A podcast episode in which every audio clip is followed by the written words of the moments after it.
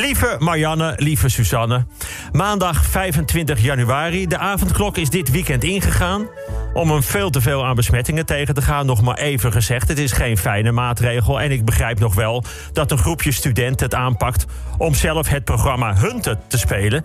Wie legt in zijn eentje lopend zoveel mogelijk afstand af tussen 9 uur s'avonds en half 5 s'nachts zonder gepakt te worden?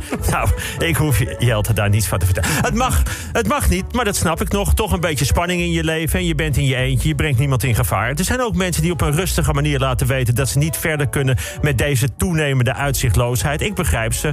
Daar moeten we ook met elkaar wat aan doen. Voor een andere groep is de avondklok de aanleiding op als een, als een groep zwak beschaafden rond te gaan rellen. In Eindhoven gooien ze eerst allemaal fietsen op elkaar en steken die in de fik. Overigens best wel knap. Probeer jij maar eens een fiets in de fik te steken. Ik ben zelf al anderhalf uur bezig met een goed knapperend kampvuur van droog dennenhout, maar daar gaat het niet om. Daarna zijn de auto's aan de beurt, omgooien en ook in de fik. Corona bedreigt ons, de wereld gaat dicht. En dan denk ik aan Brabant, waar daar brand nog ligt.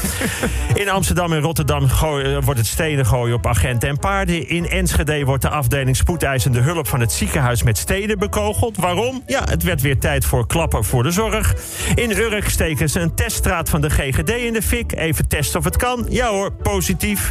De beveiliger van een cameraploeg krijgt bijtende vloeistof in zijn gezicht. Bijten voor de vrijheid met de slogan Wij zijn Nederland. Dat klopt. Jullie zijn Nederland, maar wij van de liefde zijn ook Nederland.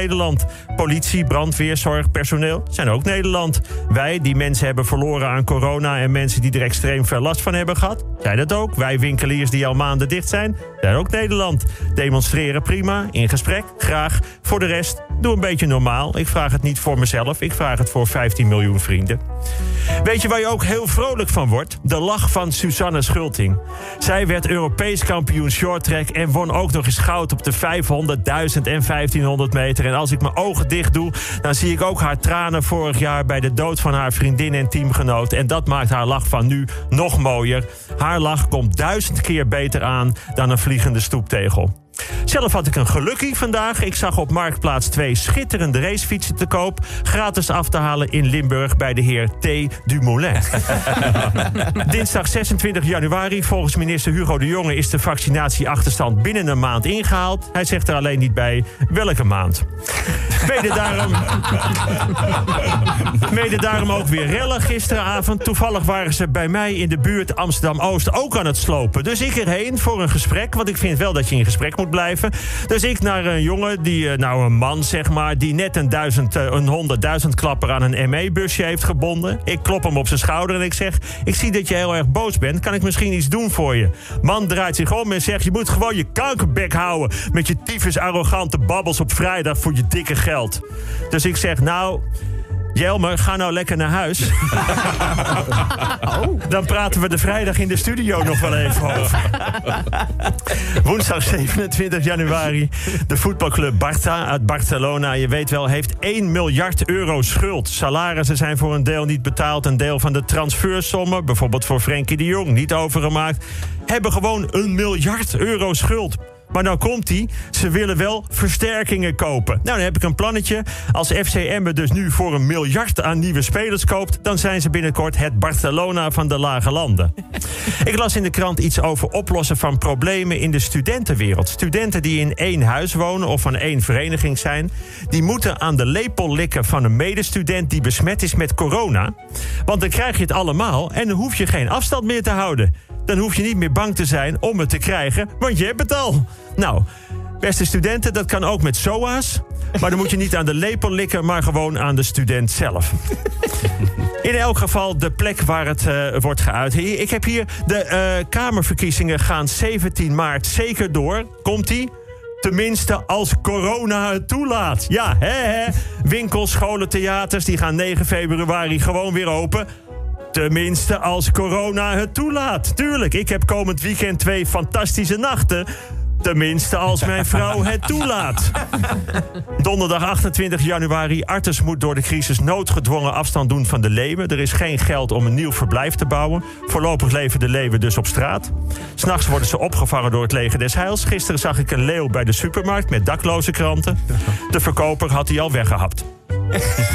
Apple had in het eerste kwartaal een recordomzet van 100 miljard dollar... met een netto winst van 29 miljard dollar. En daarom heeft Apple besloten om de nieuwe iPhones veel goedkoper te maken. Oh nee, toch niet.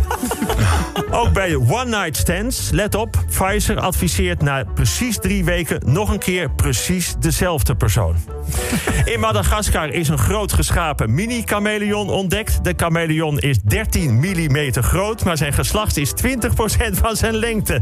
Nou, ik schrik daar niet van. Die van mij is 10 keer de hele chameleon. Ja. ja, helaas. Nou, vrijdag 29 januari. Ik had het vorige week al over het plan om, zolang dit kabinet demissionair is, een tijdelijk schaduwkabinet samen te stellen. Nou, dat gaat hartstikke goed. Eerste voorlopige ministers zullen komende weken worden voorgesteld. Maar voor de persconferentie van vandaag, die gaat wel gewoon door, geef ik het woord aan de tijdelijke zelfbenoemde minister van Enthousiasme, Peter Heerschop. Dankjewel, Peter. Nou, alsjeblieft. nou, ik dank ook voor het vertrouwen dat jij in me hebt. Ja, ik ben de enige die dat in jou heeft. Nou, dankjewel. Lieve mensen, het was een pittig weekje. Er is nogal wat gebeurd. Boel ellende. Maar wij zijn er natuurlijk ook om perspectief te geven. En hoe kunnen we de komende week wat meer ontspannen maken? En daarvoor heb ik van andere ministeries wat voorstellen gekregen. Daar komen ze één. Er komen deze week verspreid over het land speciale slopenwijken. Soort filmsets waarop je je totaal kunt uitleven. Heerlijk even al je agressie eruit. Mag ook tussen 7 en 10 uur s avonds. Natuurlijk met topacteurs die ook werkelijk terugrammen. Als je wilt deelnemen, wel tevoren inschrijven. Je naam is genoeg, want de overige gegevens hebben we via de GGD. Rico Verhoeven, de beoogd minister van Stare Down... is bereid om in zijn voorbereiding van zijn kickboxwedstrijd op 7 februari... een potje mens erger je niet te spelen... om te kijken of jij ook tegen zijn verlies kan. De dierentuinen hebben het moeilijk. Gevraagd wordt of mensen bereid zijn om tijdelijk een dier in huis te nemen. Goeie tip, de kameel, de gnoe en de krokodil... mag je ook na 9 uur nog uitlaten. Iedereen met een vermogen van boven de miljoen krijgt tot volgende week de tijd om minimaal drie mensen die het hard nodig hebben een bonus te bezorgen op welke manier dan ook. Als je twijfelt of jij tot die groep behoort, ook al deze gegevens zijn bekend via de GGD. zeg iedereen die je tegenkomt vrolijk gedag, ook als hij met een klinker in zijn handen loopt en vraag of je iets voor hem kunt doen. Lees lekker je oude Donald Ducks. Speel tijdens de avondklok weer eens uitgebreid luchtgitaar, bijvoorbeeld met Spike, de beoogd minister van Elektriciteit. En bedenk altijd, de laatste loodjes zijn het zwaarst, maar het komt goed, dat beloof ik. Tot volgende week.